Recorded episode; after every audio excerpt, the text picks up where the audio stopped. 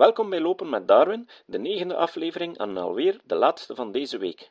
Wat denk je? Goed in vorm? Het zal nodig zijn, want vandaag zullen we gedurende 26 minuten stukjes lopen van 1 minuut, 2 minuten, 4 minuten en zelfs één keer 5 minuten. Geen paniek, ik ben er ook nog en ik zorg voor boeiende literatuur, zodat je de tijd zo vergeet. We beginnen rustig met 1 minuut lopen. Wanneer een soort in zeer gunstige omstandigheden levende, buitengewoon in getal vermeerdert, en wel vooral binnen een niet grote omtrek, dan ontstaan er dikwijls epidemieën. Tenminste, bij ons wild schijnt dit veelvuldig het geval te zijn. In dat geval zien we een beteugeling van de uitbreiding, onafhankelijk van de strijd des levens.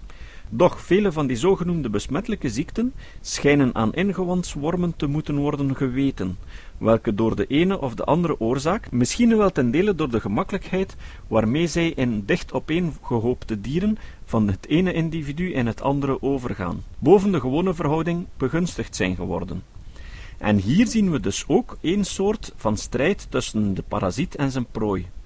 Aan de andere kant is er in vele gevallen een zeer grote verzameling van individuen van eenzelfde soort, in verhouding tot het getal van haar mededingers, volstrekt nodig om de soort in stand te houden. Zo kunnen we gemakkelijk en volop rogge of koolzaad in onze korenvelden kweken, omdat er oneindig veel meer zaadkorrels zijn dan vogels die erop azen. Stop 1 minuut wandelen. Ook kunnen de vogelen niet, ofschoon in het ene jaargetij de overvloed van voedsel hebbende, dat hun menigte aan die der zaadkorrels beantwoordt, wijl hun vermeerdering in de winter beperkt wordt. Doch hij die het beproefd heeft, weet hoe moeilijk het is zaad te winnen van bijvoorbeeld een tarweplant in een tuin gekweekt. Ik tenminste heb geen enkele korrel op die wijze kunnen verkrijgen. De omstandigheid dat een grote schaar van één soort noodzakelijk is voor haar behoud, verklaart naar mijn gedachte sommige zonderlinge feiten in de natuur, zoals dat zeer zeldzame planten soms zeer overvloedig aanwezig zijn op de weinige plaatsen waar ze voorkomen, of dat sommige gezellig wassende planten gezellig blijven, dat is dat ze talrijk zijn in individuen, zelfs op de uiterste grenzen van haar gebied. Twee minuten lopen.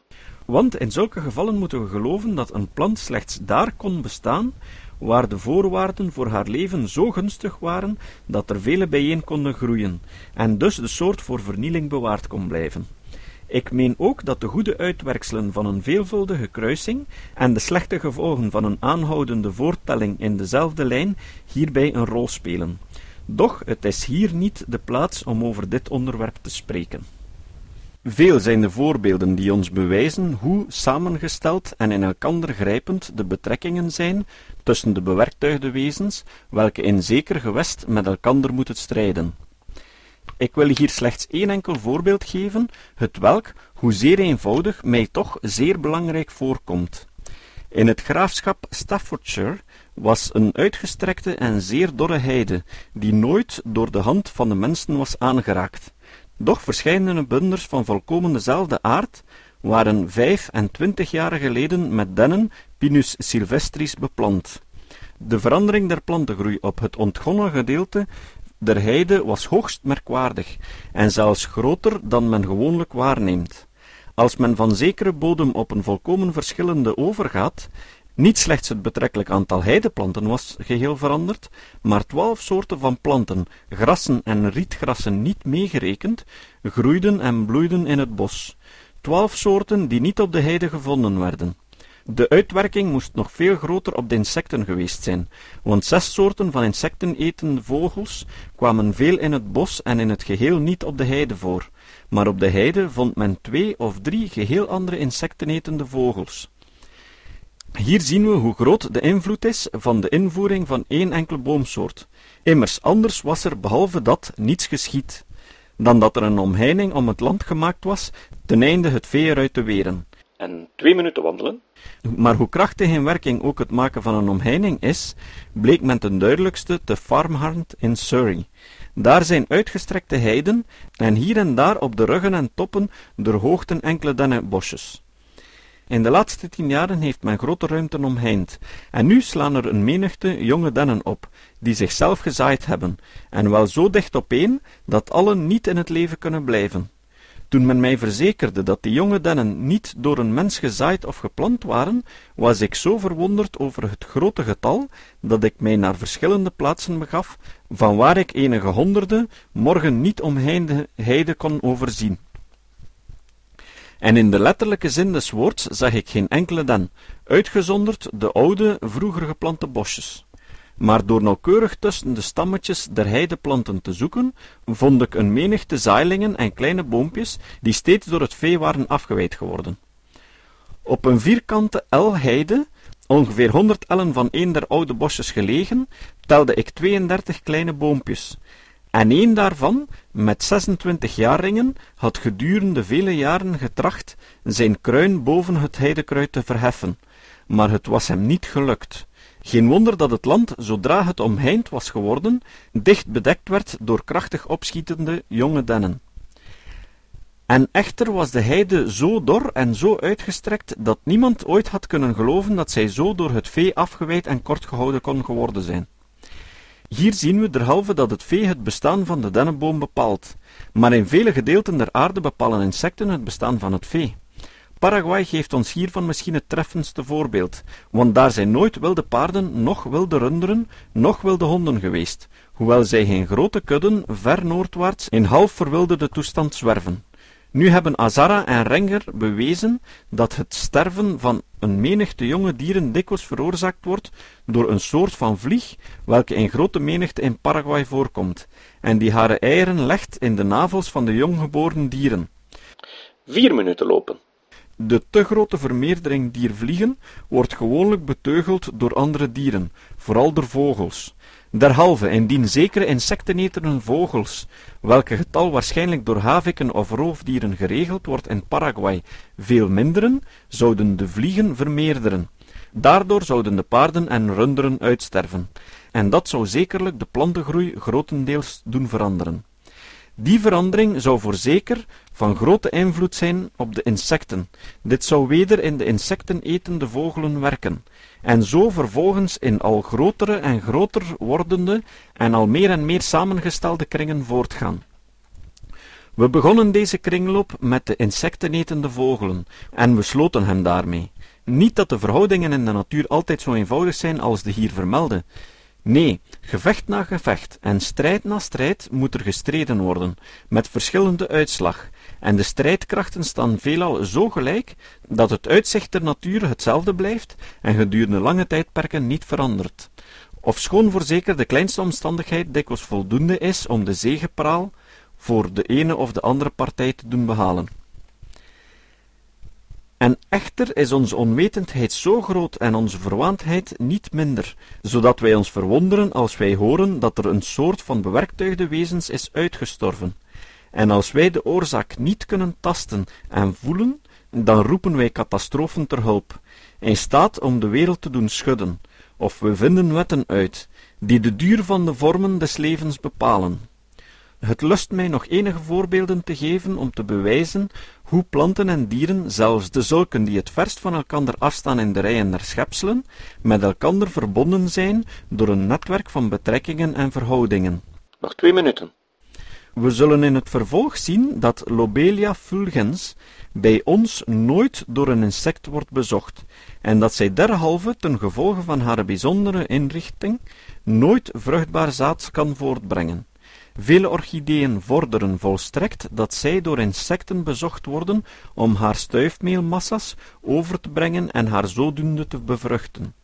Ik heb grote redenen om te geloven dat de wespen noodzakelijk zijn voor de bevruchting van driekleurige viooltjes, viola tricolor, want andere bijen bezoeken die bloem niet. Door proefnemingen is het mij gebleken dat het bezoek van bijen gevorderd wordt voor de bevruchting van sommige klaversoorten, maar wespen alleen de rode klaver Trifolium patanense bezoeken, terwijl andere bijen de nectar niet kunnen bereiken. Daarom schijnt het mij een waarheid te moeten zijn dat als het gehele geslacht der wespen uitstierf of zeer zeldzaam werd, ook het viooltje en de rode klaver zeldzaam zouden moeten worden, ofwel geheel uitsterven. Het getal der wespen in zekere landstreek hangt in grote mate af van het getal der veldmuizen, welke de nesten en cellen of honinggraten der insecten verstoren. Volgens Newman worden er twee derden der wespen door muizen vernietigd. Nu is het genoegzaam bekend dat het aantal muizen grotendeels afhangt van het aantal katten. En bovengenoemde Newman zegt, in de omtrek van dorpen en landstadjes heb ik meer wespennesten gevonden dan ergens anders, wat ik aan het aantal katten toeschrijf, die de muizen vernietigen, en derhalve blijkt het dat de aanwezigheid van de katten in zekere landstreek kan bepalen door de tussenkomst eerst van de muizen en dan van de bijen, of er zeker bloemen overvloedig in die landstreek zullen zijn of niet. Drie minuten wandelen. Voor elke soort bestaan er waarschijnlijk verschillende middelen ter beteugeling van een grote toename, die in verschillende tijdperken van het leven en gedurende onderscheidene tijden van het jaar werken. Weliswaar, meestal is een dier middelen het krachtigste, maar allen werken mede om het middengetal of zelfs het voortbestaan van de soort te bepalen. In sommige gevallen kan het bewezen worden dat zeer verschillende middelen ter beperking op dezelfde soort in verschillende landstreken werken.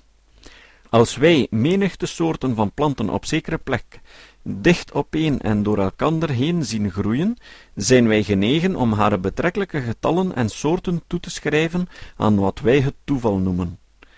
Maar hoe ten onrechte?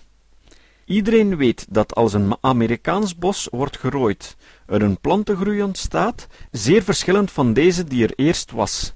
Doch men heeft waargenomen dat de omtrek van oude in puin liggende tempels der inboorlingen in het zuiden der Verenigde Staten en derhalve plaatsen waar lang geleden de bomen zijn gerooid en waar de grond van planten gezuiverd geworden is, tegenwoordig dezelfde heerlijke verscheidenheid en hetzelfde grote getal van verschillende planten vertoont als het maagdelijke bos dat die planten omringt. Welke strijd tussen de verschillende soorten moet hier eeuwen aaneen gestreden zijn, terwijl elke boom jaarlijks bij duizenden zijn zaadkorrels uitstrooide? Welke oorlog tussen insecten en insecten, tussen insecten en slangen, en andere dieren met vogels en verscheurende dieren, allen naar vermeerdering strevende en allen van elkaar levende of van de bomen of van hunne zaadkorrels en zaailingen, of van de andere planten die het eerst de bodem bedekken en daardoor de groei van bomen verhinderen. Werp een handvol vederen in de lucht en allen zullen naar beneden vallen naar bepaalde wetten. Maar hoe eenvoudig is dit probleem vergeleken met de werking en de terugwerking van de ontelbare planten en dieren, welke in de loop der eeuwen het betrekkelijke getal en de soorten der bomen bepaald hebben, die thans groeien op de puinhopen van de oude Indiaanse tempels. We zijn al halfweg deze training.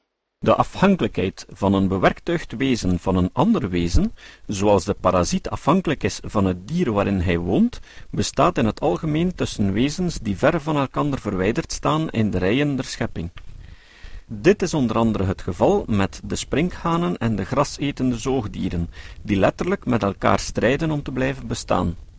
Toch, die onvermijdelijke strijd is het hevigst tussen de individuen van dezelfde soort, want zij bewonen hetzelfde gewest, ze hebben behoefte aan hetzelfde voedsel en zijn aan dezelfde gevaren blootgesteld. En weer vier minuten lopen. Bij de rassen van dezelfde soort is de strijd gewoonlijk niet minder hevig, maar somtijds zien we dat hij zeer spoedig beslist is. Indien enige verscheidenheid van tarwe door elkaar gezaaid wordt en het gemengde zaad weder uitgezaaid wordt, zullen sommige verscheidenheden, die het best voor de grond of voor het klimaat geschikt zijn, of die welke het vruchtbaarste zijn, de andere onderdrukken. Zij zullen zodoende het meeste zaad geven en gevolglijk binnen weinige jaren volkomen de boventoon verkrijgen. Om zelfs zulke naverwante verscheidenheden, om zelfs zulke naverwante verscheidenheden als de doperten zijn, door elkander te kunnen laten groeien, moet men elk jaar de erten afzonderlijk inoogsten en naderhand in een juiste verhouding vermengen, of de zwakkere verscheidenheden zullen weldra in getal verminderen en uiteindelijk geheel verdwijnen. Zo is het ook met de schapen. Men verzekert dat sommige rassen andere rassen doen uitsterven, zodat ze niet tezamen gehouden kunnen worden. Hetzelfde heeft men gezien door het bij elkander houden van verschillende rassen van bloedzuigers. Men mag er zelfs aan twijfelen dat de rassen van het ene of het andere tamme dier of tuinplant zojuist dezelfde krachten, gewoonten of behoeften hebben, dat de oorspronkelijke verhoudingen van een gemengde kudde gedurende een half dozijn generaties in stand zouden kunnen blijven, als ze verlof kregen om tegen elkander strijd te voeren, gelijk in de natuur staat, en als het zaad of de jongen niet alle jaren uitgezocht gesorteerd werden. We hebben boven gezegd dat de strijd des levens in het algemeen het hevigst zou zijn, hoewel niet altijd, tussen soorten van hetzelfde geslacht, wijl hare behoeften, hare woonplaatsen en dergelijke dezelfde zijn. We zien dit in het feit dat er tegenwoordig zekere soorten van zwaluwen zeer verspreid geworden is in Noord-Amerika, terwijl een andere soort daardoor verminderd is. De vermeerdering in de laatste jaren van de grote lijster, Turdus viscovurus, in Schotland heeft de vermindering van de zanglijster Turdus musicus ten gevolge gehad. Nog twee minuten. Hoe dikwijls horen we niet dat zekere soorten van rat de plaats van een andere inneemt. In Rusland heeft Aziatische kakkerlak, Blatta orientalis, overal zijn grotere naamgenoot, de Blatta germanica, verdreven. De ene soort van mosterd verjaagt de andere, en zulke gevallen zijn er veel. We kunnen weliswaar zien dat de mededinging het sterkst is tussen vormen die ongeveer dezelfde plaats beslaan in de huishouding der natuur, maar we kunnen misschien geen enkel geval juist zeggen waarom de ene soort zegepraalt over de andere in de grote strijd des levens. Een zeer belangrijke toepassing is er uit de voorgaande opmerking af te leiden, namelijk dat de inrichting van elk bewerktuigd wezen in de nauwste, maar dikwijls onbekende betrekking staat tot die van alle andere bewerktuigde schepselen, waarmee het in mededinging geraakt. Maar onbekend in betrekking staat tot die van andere bewerktuigde schepselen, waarmee het in mededinging staat. Het zij wegens het voedsel of wegens de woonplaats, of waaraan het moet ontsnappen, of waarop het aast. Dit is zichtbaar in de tanden en klauwen van de tijger, zowel als in de poten en nagels van de luis die op de huid van de tijger leeft. In het fraai gepluimde zaad van de paardenbloem, Leontodon taraxacum, en in de platte en van franjes voorziene poten van de waterkever, Hydrophilus, zien we de betrekking tot lucht en water. Doch de pluim van het zaadkorreltje staat ongetwijfeld in de nauwste betrekking tot het land, dat reeds dicht begroeid is met andere planten, zodat het zaad ver weggevoerd kan worden en vallen op een onbezette plek. Drie minuten wandelen. De inrichting van de poten van de waterkevers veroorlooft hem om al zwemmende mede te dingen met andere waterinsecten, om zijn prooi na te jagen en om te ontsnappen aan de andere dieren die op hem azen.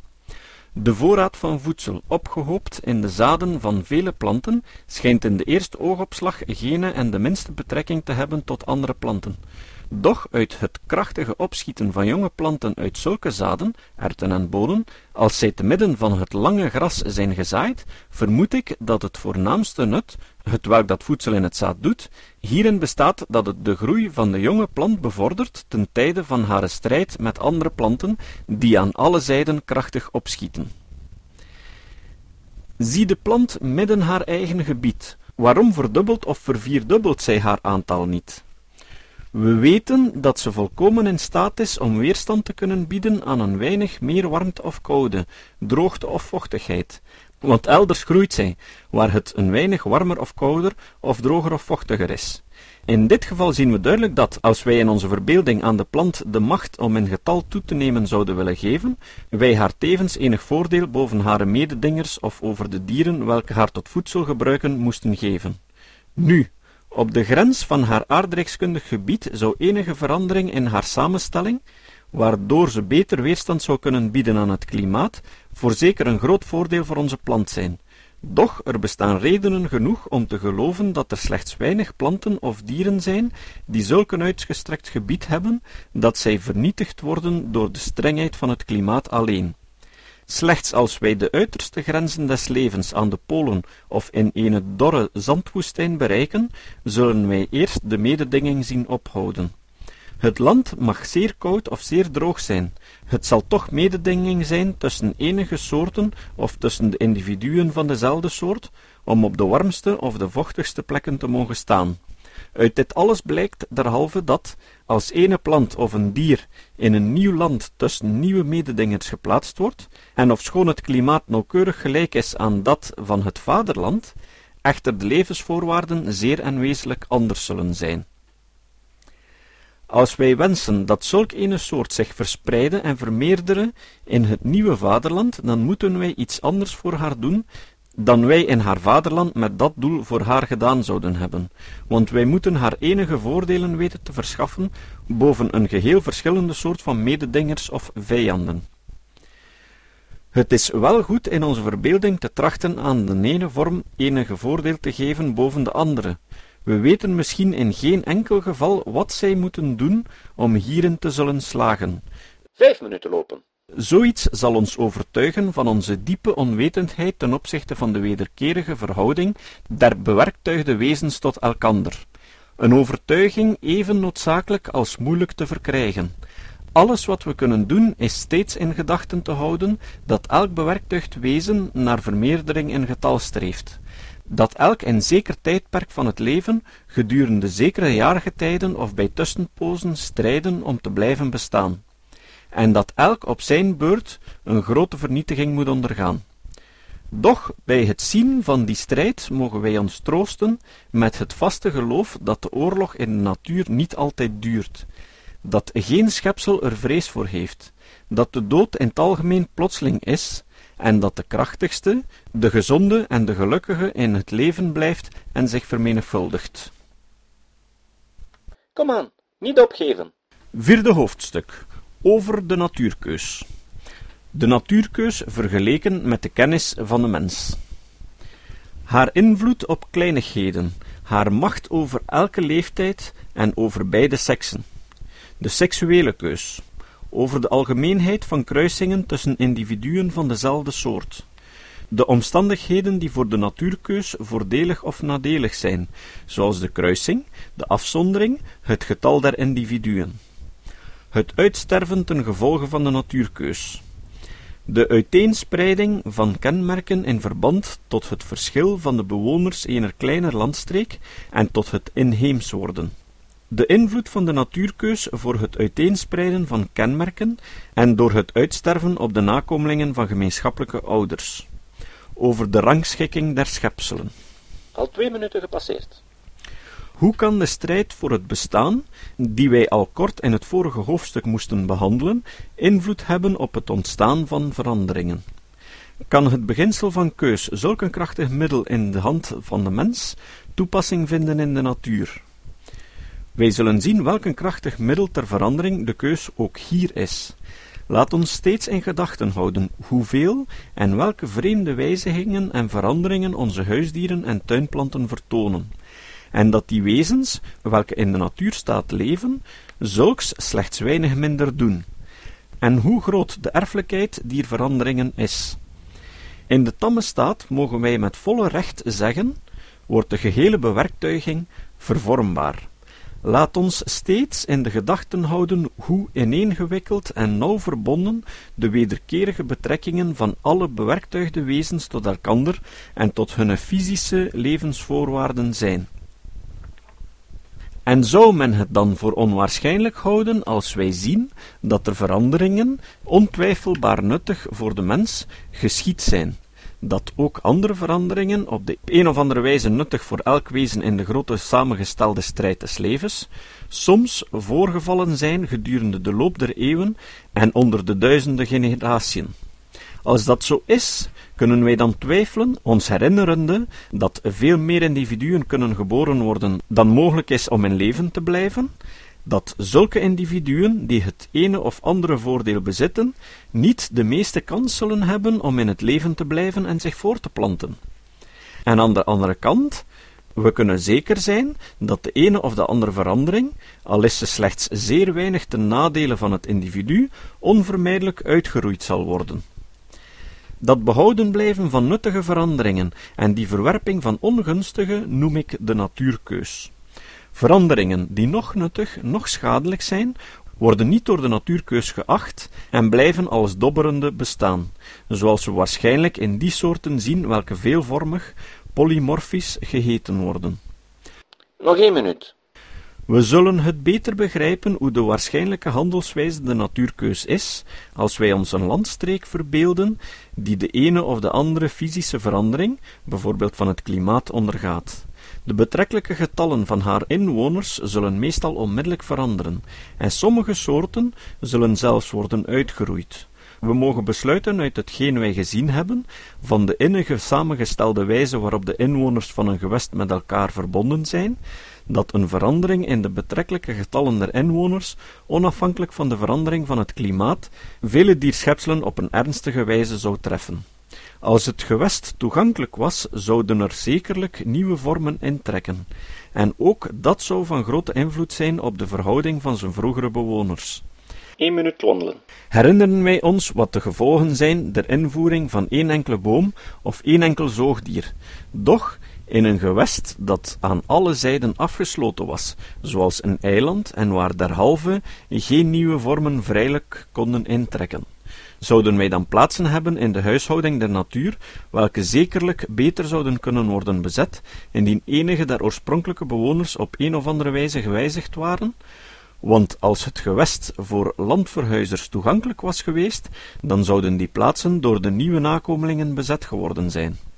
Heb je ondertussen de tekening van Darwin al opgehaald? Zo niet, niet vergeten, na het douchen op surf.to Darwin of ga naar kritisch denken in woord.info en klik daar op de link tekening van Darwin. Prachtig, je hebt het gekund. Nu verdien je zeker twee dagen rust. Volgende week zullen we hetzelfde programma van deze week volgen, zodat je tegen het einde van de week vijf minuten lopen niets meer vindt. Alleen over de oorsprong der soorten gaat gewoon verder.